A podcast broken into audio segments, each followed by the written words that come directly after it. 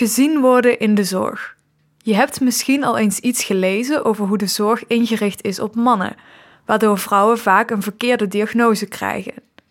Op dezelfde manier is de zorg gericht op witte mensen en lopen zwarte mensen meer risico om de verkeerde of zelfs geen zorg te krijgen. Deze kluwe takeover is bedacht en gemaakt door Liz Groen, masterstudent Philosophy, Bioethics and Health aan de Vrije Universiteit Amsterdam. In deze aflevering onderzoekt Liz het gebruik van kunstmatige intelligentie in de gezondheidszorg. Aan de ene kant kan kunstmatige intelligentie ontwikkelingen in de gezondheidszorg razendsnel bevorderen. Aan de andere kant schuilt een groot onzichtbaar gevaar. Minderheidsgroepen worden door onderrepresentatie in de data systematisch benadeeld. Mensen die vaak al kwetsbaar zijn, kunnen zo niet de juiste zorg of diagnose krijgen. Je gaat luisteren naar twee afleveringen die gemaakt zijn door Liz Groen in deze kluwe takeover Ongezien.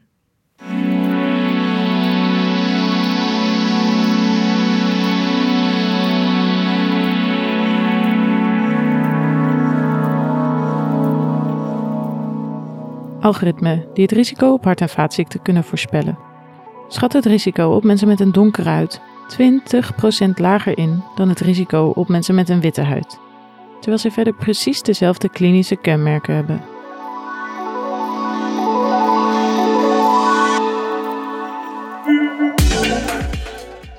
procent van de medicatie die nieuw op de markt komt, wordt teruggetrokken door bijwerkingen bij vrouwen, omdat deze medicatie alleen op mannen is getest.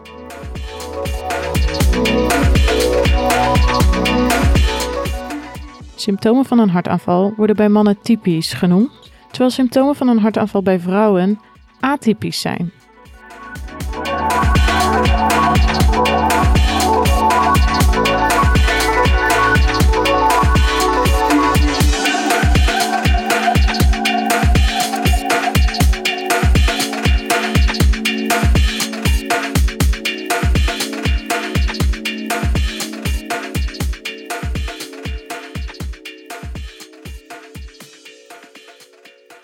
Kunstmatige intelligentie bevordert razendsnel medische ontwikkelingen.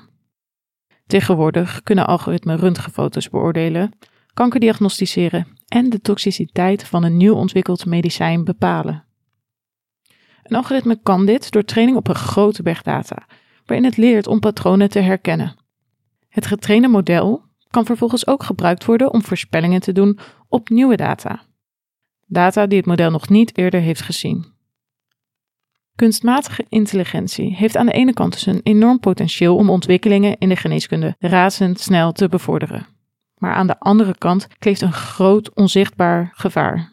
Minderheidsgroepen die ondergerepresenteerd zijn in de databerg en waarop het model dus niet voldoende getraind is, worden systematisch benadeeld.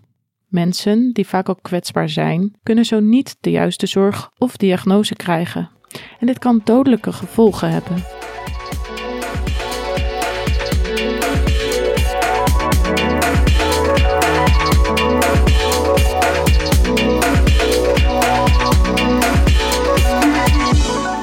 Op welke manier is er sprake van onbewuste discriminatie in de zorg? En wat is precies het gevaar van algoritmen? Hoe beïnvloedt kunstmatige intelligentie de relatie tussen arts en patiënt? En wie is er verantwoordelijk als een arts een foute keuze maakt op basis van een bias in het algoritme? Is er dan überhaupt iemand verantwoordelijk?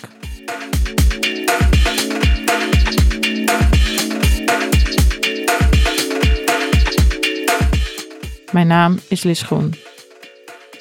Je luistert naar Kluwen.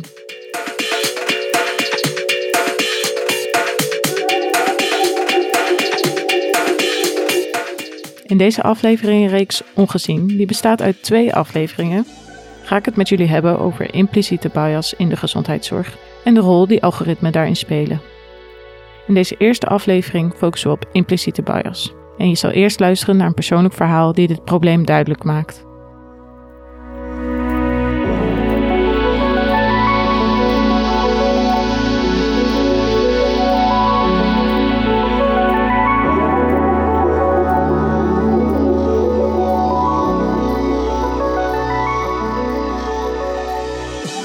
Ik zit aan tafel met Erika in de faculteit Geneeskunde en Gezondheidswetenschappen op de Universiteit in Gent.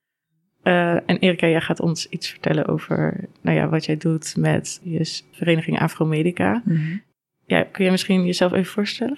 Ja, zeker. Dus ja, inderdaad, mijn naam is Erika. Uh, mijn volledige naam is Erika Donsat Tankam. En ik ben 22 jaar en ik studeer uh, geneeskunde aan de UGent. Ik zit nu in ik zit vooral in mijn derde jaar en mijn masterproef. Wel, misschien kan ik u gewoon al kort toelichten waarom, alleen mijn motivatie vooral, waarom ik zo engageerd ben binnen Afro-Amerika. En dat is eigenlijk door een heel persoonlijk verhaal wel. Uh, het is nu ver te zoeken eigenlijk bij mijn mama. Uh, zij is uh, spijtig genoeg overleden aan kanker in 2016. Maar uh, gewoon achteraf dat ik dat zo hoorde, want ik was op dat moment nog heel jong, dus ik was nog niet zo goed allee, op de hoogte van wat er allemaal gebeurde op dat moment. Maar achteraf dat ik hoorde van dat haar dokter, dat ze gynaecoloog waar ze naartoe ging, al vast eigenlijk, al jaren. En zij gaf aan aan haar gynaecoloog dat ze pijn had. Uh, en die nam dat niet serieus en zei van, het is niets, uh, ga maar naar huis, het is maar een beetje buikpijn, dat is niets ergs, dit en dat. En eigenlijk uh, het is tot een punt gekomen dat, dat de pijn zo ondraaglijk was voor haar, dat ze uiteindelijk naar een andere dokter is gegaan die, voor een second opinion. En die had dan ontdekt dat ze dan baarmoederhalskanker had op het laat stadium. En dan is dat heel snel gegaan, moest ze opeens operatie ondergaan, waar ze haar baarmoeder en eierstokken hebben weggehaald. En dan is ze chemotherapie opgestart. Um, en dan uh, was ze dan uiteindelijk wel kankervrij, maar dan is ze terug weer teruggekomen eigenlijk. Uh, is dan uitgezaaid naar haar maag en heeft ze een stoma moeten dragen. Weet je wat dat is, een stoma? Ja, een uh, externe zak eigenlijk, waar je dus niet meer naar het toilet moet gaan. Dus dat. En dan is eigenlijk vandaar heel bergaf gegaan. En dan is uiteindelijk, ja, spijtig genoeg overleden. Dus dat heeft, um, dat verhaal eigenlijk, ik heb dat pas, dat is mij pas bewust geworden eigenlijk in mijn tweede jaar geneeskunde, uh, rond de Black Lives Movement, dat echt wel heel aanwezig was in de eerste lockdown. Uh, en dat heeft mij laten realiseren eigenlijk van, wacht, eigenlijk racisme is eigenlijk nog heel erg ingebed in onze maatschappij en ook in de gezondheidszorg. En dan kijk ik dan naar mijn mama en ik denk van, moest zij nu wit geweest zijn, had die gynaecoloog haar sneller geholpen en had ze sneller haar diagnose kunnen hebben en had ze misschien een betere uitkomst gehad. Dus dat heeft mij wel echt wel geraakt. En dan waren er een uh, andere medestudenten die ik zo wel, uh, medestudenten die uh, een jaar voor, allez, voor mij zitten in geneeskunde. We hebben daar al over gepraat, over het feit dat er nog heel erg aanwezig is, eigenlijk racisme in onze gezondheidszorg, en dat we ook gewoon snel onze opleiding heel eurocentrisch is. En met dat idee is ze dan afgekomen naar mij een paar maanden later om te zeggen van, wil je niet met mij een organisatie uh, opstarten om daar iets aan te doen? En ik zei van, ja, heel graag. Dus zo is dat een beetje begonnen. En nu zijn we vandaag, hè, ben ik vandaag dus voorzitter van Afro-Amerika. dus zo, dus... Ja. Uh, ik, zou je iets kunnen uitleggen wat Afro-Amerika dan precies doet? Ja, zeker. Uh, dus Afro-Amerika is eigenlijk een organisatie... We zijn eigenlijk wel gestart met studenten geneeskunde, maar we zagen eigenlijk wel dat dat probleem groter is dan enkel geneeskunde. Dus daarom dachten we, we gaan gewoon onze gezondheidszorg uh, bij betrekken. Vooral zijn we nu ook wel in het bestuur voor studenten. En daarom hadden we, is onze focus nu vooral om te werken aan de opleidingen, om te zorgen dat die wat meer cultuursensitief is, om zo de hulpverleners van de toekomst voor te bereiden voor een diverse maatschappij. Ja, dat is gewoon, allez, dat, is, dat kunt dat gewoon niet vermijden. Onze samenleving wordt maar divers en divers, dus waarom zou de, de opleiding daar niet meer uh, aandacht aan geven en ook meer uh, die toekomstige hulpverleners um, voor te bereiden. Daarom zijn we dus in dialoog met verschillende faculteiten, ook deze faculteit geneeskunde, waar we nu ook, ook zijn, mm -hmm. geneeskunde en gezondheidswetenschappen. Um, dus zijn we hen vooral gewoon advies aan het geven en kijken we, en we willen eigenlijk op lange termijn willen we eigenlijk dat die diversiteit geïntegreerd is in alle lessen, in hoeverre dat dat mogelijk is natuurlijk. Uh, dus dat is zo'n beetje onze, ons doel eigenlijk. En daarnaast organiseren we ook af en toe eens events, uh, lezingen en panelgesprekken. Um, dat was, allez, we hebben dat ook gedaan. En, en denk ik, bij het start van het academiejaar was er zo'n introductieweek, waar we zoal, zo, vooral zo, uh, wouden inwerken op zo wat een beetje safe space creëren voor uh, voor ehm, studenten met migratieachtergrond om zo een beetje met elkaar te verbinden en zo elkaar kunnen allee, wat steunen, want het is niet makkelijk als enige zwarte in uw jaar om tussen al die witte mensen daar te zitten. En het is gewoon een gevoel van, kijk, je zit er niet alleen voor, dus daarom doen we dat ook wel soms. En ehm wat doen wij nog? Eh, wat wij ook doen, is wij geven soms ook, sinds kort eigenlijk, dat is redelijk nieuw, die geven wij ook lezingen aan bijvoorbeeld opleidingen. We zijn al uitgenodigd geweest voor het congres in U Antwerpen van Medical, ik denk dat het Medical Congress is, dat we daar een lezing hebben gegeven. We hebben ook een lezing al gegeven aan eh, de opleiding verpleegkundige in eh Vivas Hogeschool, dat is in Kortrijk. En eh, binnenkort gaan we ook ehm, een lezing geven rondom inclusieve geboortezorg aan de, de opleiding vroedkunde. Dus ja, we zijn Oh, ja. veel dingen bezig. Ja, Ja. dat Oh, is wel tof. nice. Mhm. Ja. En nou, jullie hebben dus gemerkt dat de opleiding geneeskunde, Mhm. onder andere en eigenlijk veel breder in de gezondheidszorg, dat die Mhm. dus helemaal niet zo inclusief is en niet Ja. is ingesteld op diversiteit. Mhm. Ja, kun je daar misschien iets meer over vertellen? Ja, eh, ik heb wel concrete voorbeelden. Bijvoorbeeld dermatologie, dat is een vak dat ik had vorig jaar. Ehm, dat was eigenlijk de eerste, het eerste jaar dat ze een les hebben gegeven over, ehm, over skin of colors. En dat was eigenlijk zo voorbeelden van eh, eh, pathologie op de zwartigheid. En daarvoor hebben ze dat nooit echt gegeven. Dus dat is wel echt... Dat is- zijn dat pas begonnen als wij dat hebben gezegd van, dat- waarom is dat er niet, bijvoorbeeld. Dus daar hebben we wel een kleine contribution van gegeven Ah. niet echt de credits gehad, maar maakt niet uit. Wij weten dat het zo is. Dat wij weten dat eh, het idee komt van ons. Allee, het initiatief komt van ons om dat te, te doen. Maar ik had daar al meteen een opmerking van, algemeen, van waarom moet dat weer een aparte les zijn? Waarom kan dat gewoon niet geïntegreerd worden in alle lessen? Waarom kan dat niet in elke les terugkomen? Want dat is heel belangrijk. Want Mhm. een pathologie op een zwarte huid, dat is niet hetzelfde als op een witte huid. Ehm, dus ja, bijvoorbeeld, ik ben gisteren gevallen eigenlijk. Ik word katitonen en ik moet rechtstaan. Dus Aha. je ziet dat en dat ga je Ja, snel zien op, allee, op een zwarte huid. Dus dat is wel belangrijk om daar wel Ja. om daar bewust van te zijn eigenlijk. Sorry, ik Ja. wil een real life voorbeeld geven. Ja, is allemaal- dus van die dingen. En ook, eh, ik weet ook, in mijn tweede jaar was ik aan het studeren in mijn eh, cursus farmacologie. En daar was ik dan het woord tegengekomen negroïde. En ik was echt in shock als ik dat las. Ik dacht van, wauw. Hoe kan dat dan in een cursus zit waar toekomstige artsen van het leren en misschien gaan denken van dat is normaal om dat woord te gebruiken, terwijl dat helemaal niet zo is. En wat ik heb dan gedaan, het, wat mij gewoon stoorde als ik daarop terugkijk, is, ik heb daar echt, ik was aan het studeren, was in een blok, ik heb daar echt een pauze van moeten nemen. En dat zitten een half uur over zitten nadenken, wat ga ik daarmee doen? Ga ik dat zo laten? Ga ik daar een mail over sturen naar de docent? Wat ga ik daarmee doen? Uiteindelijk Ja. heb ik toch wel een mail gestuurd.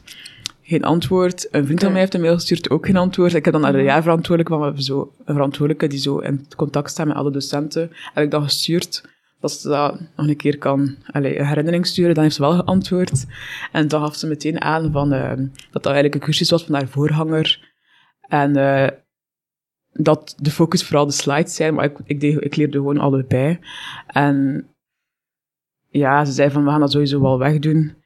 Maar ja, dat was natuurlijk een cursus van de voorganger. Maar ik dacht meteen van, als je een cursus allez, overneemt van je voorganger, ga je dan niet een keer even, even checken dat alles nog up-to-date is en zo.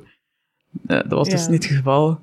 Ehm, dus ja, ik, ik, het is gewoon, voor mij stoort dat wel het feit van, omdat ik een persoon met mijn migratieachtergrond, ik ben daar heel gevoelig voor en ik moet daar, ik, ik, ik heb altijd zo het gevoel dat ik dan de verantwoordelijkheid om daar dan iets aan te doen eigenlijk. Terwijl, begrijp ik. Terwijl dat ik niet het, allee, ik niet het probleem ben, laat het zo Nee. zeggen. Allee, je snapt wat ik bedoel, hè. dus dat eigenlijk vooral. Ja, jij hebt Ja. er. Jij ziet dat snel en hebt er last van en Mhm. vindt het belachelijk dat je zoiets Mhm. tegenkomt, Ja, uiteraard. ja. Maar jij moet inderdaad, of nou ja, moet niet, maar dat is de Mhm. situatie. Ik voel dat wel zo ergens, dat ik Ja. de verantwoordelijkheid heb om daar iets op te zeggen, want niemand gaat dat anders doen. Dat dan, laat, dan blijft het daar ook staan en dat is ook niet Ja. oké, snap je? Dus Ja. ja. Ja, dat is lastig. Ja, dat, Mhm. dat ligt scheef op een bepaalde manier. Ja, dat- inderdaad. Ja, ja. ja. Zo, dat zijn al... Goed dat dat wat duidelijk is, voor Ja. concrete voorbeelden. zeker. Ja, Mhm. dankjewel. Mhm. Ehm, ja, dus, dus de pathologie op, op een witte huid is anders dan pathologie op een zwarte huid. En Mhm. in jullie curriculum is voornamelijk dan gefocust op de witte huid. Misschien zelfs Mhm. de afgelopen jaren helemaal niks Ja. op een zwarte huid. Eh, Eh, geen les op geweest. Mhm. En nou ja, jullie brengen met Afro-Medica daar verandering in. Mhm. Gelukkig. Mhm. Eh, maar nog steeds wordt het een soort van apart vak, een Ja, kleine ja, focus ja. ernaast. Terwijl je eigenlijk wil dat het geïntegreerd wordt in de hele gezondheidszorg. Ja, inderdaad. Ja. Dat is eigenlijk zo'n beetje ons doel. En maar ik snap wel dat dat natuurlijk wel traag op, dat het wel traag op gang gaat. En je moet natuurlijk wel geduld hebben. En ja, ja. Dus Mhm. ja, dat is zo met alle universiteit, denk ik, en hogescholen. Dat alles zo wat, allee, om echt verandering te hebben, dat dat wat traag is. Zeker als je structurele verandering wilt brengen, dan gaat dat natuurlijk wel tijd kosten.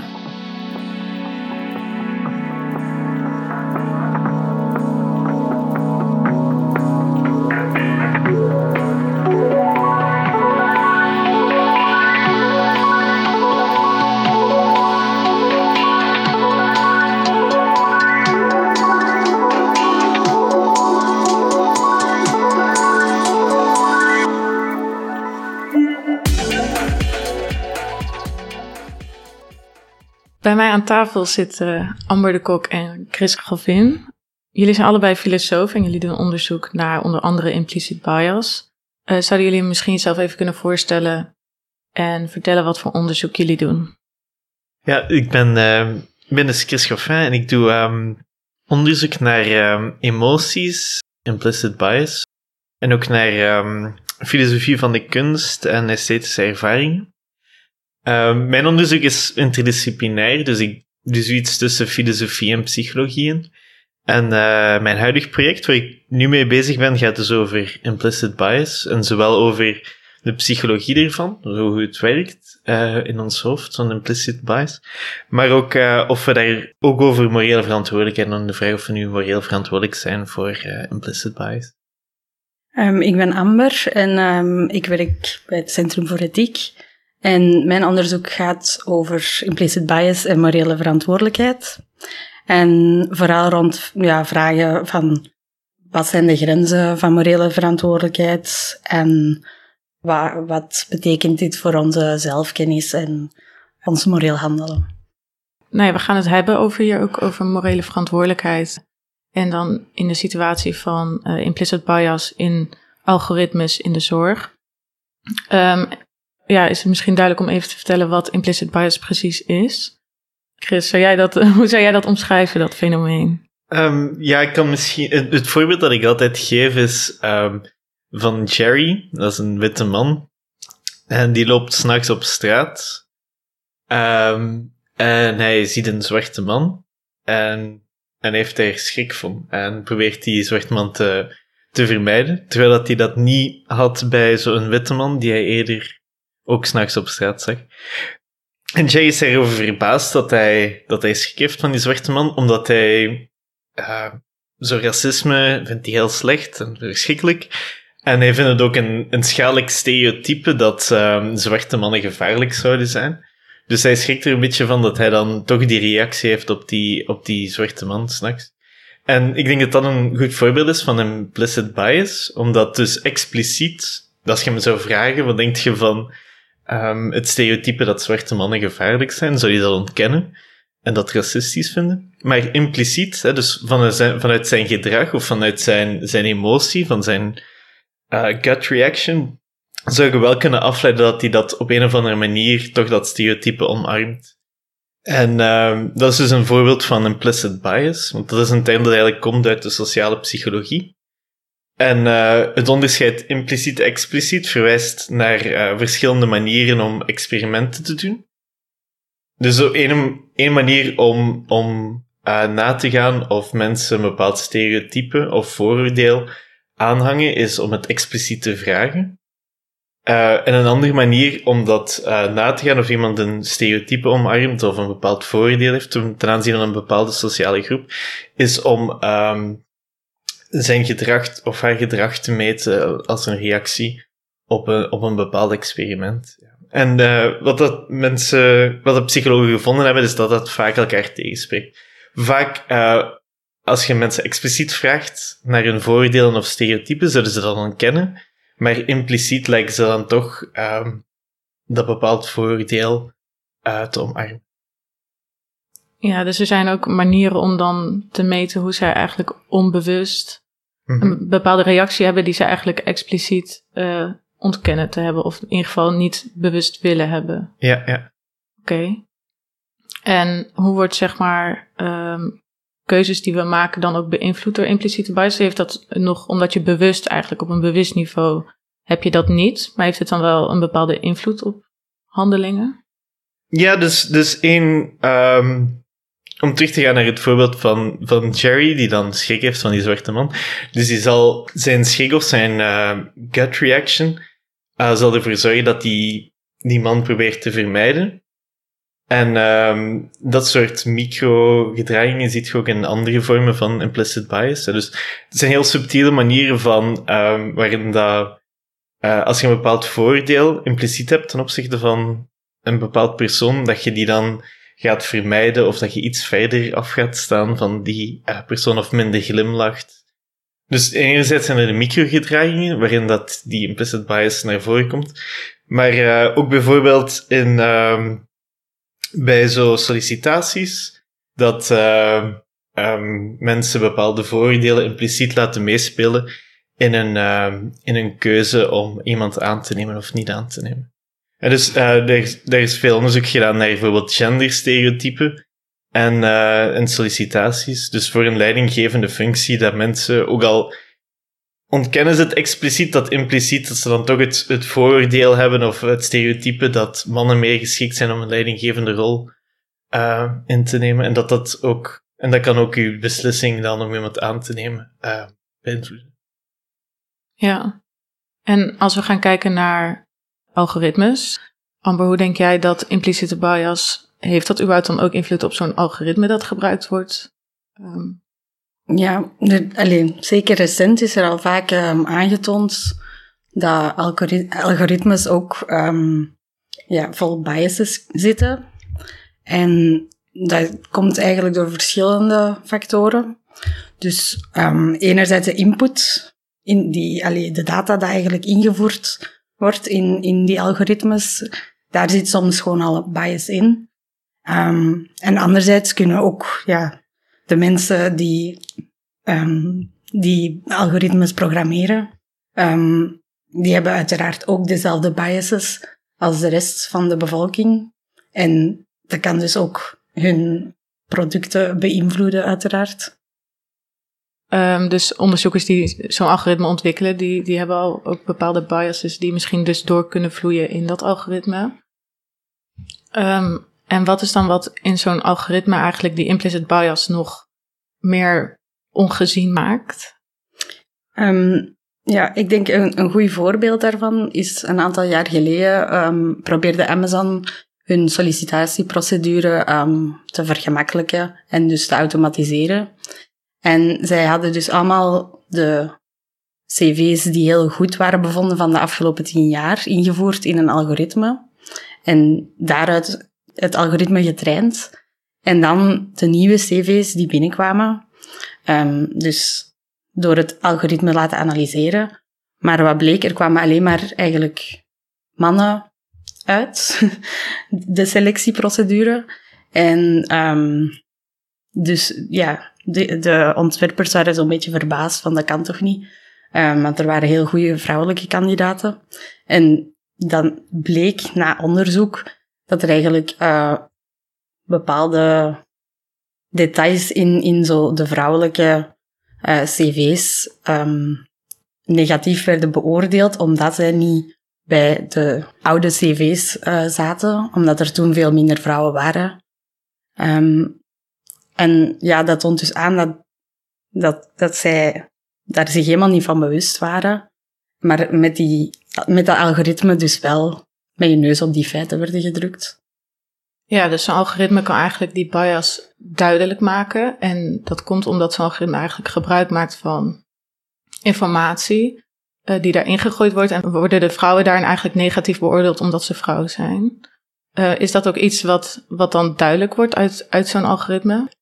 Ja, het is natuurlijk belangrijk dat er ook wel naar gekeken wordt. En er zijn heel veel bedrijven die daar vandaag eh, meer aandacht voor hebben, omdat er zo'n soort van schandalen boven komen. Ehm, maar ja, zolang dat, dat niet geanalyseerd wordt, zo van, komen hier alleen maar mannelijke kandidaten uit de bus en is dat niet een beetje raar?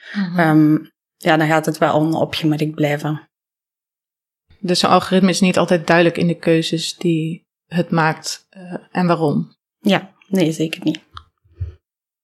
En ehm, denk jij dat een algoritme ook de rol van de arts, als een arts een algoritme gebruikt, dat de algoritme ook de rol van de arts kan beïnvloeden op een bepaalde manier? Ehm, ja, zeker. Ik, ik denk dat ehm, zeker in de zorg eh, en in de wetenschap, ja, er is enorm veel data. En een algoritme kan zeker helpen om ehm, ja, het gemakkelijker te maken voor een arts. Uh, zodat hij niet pagina's en dossiers moet blijven doornemen.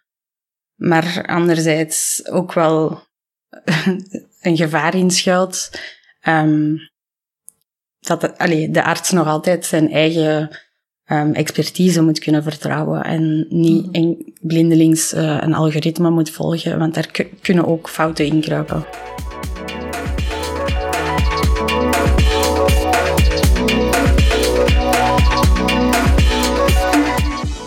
Je luisterde naar Kluwe.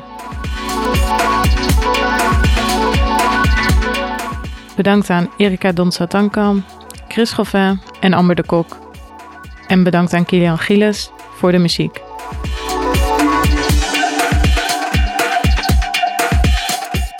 Wat vond je van deze aflevering? Laat het ons weten via de socials. In de volgende aflevering praat ik verder met Chris en Amber over de verantwoordelijkheid van de arts als die een foute keuze maakt op basis van een bias in het algoritme. Ook hoor je meer over de invloed van kunstmatige intelligentie op de relatie tussen arts en patiënt. Tot dan!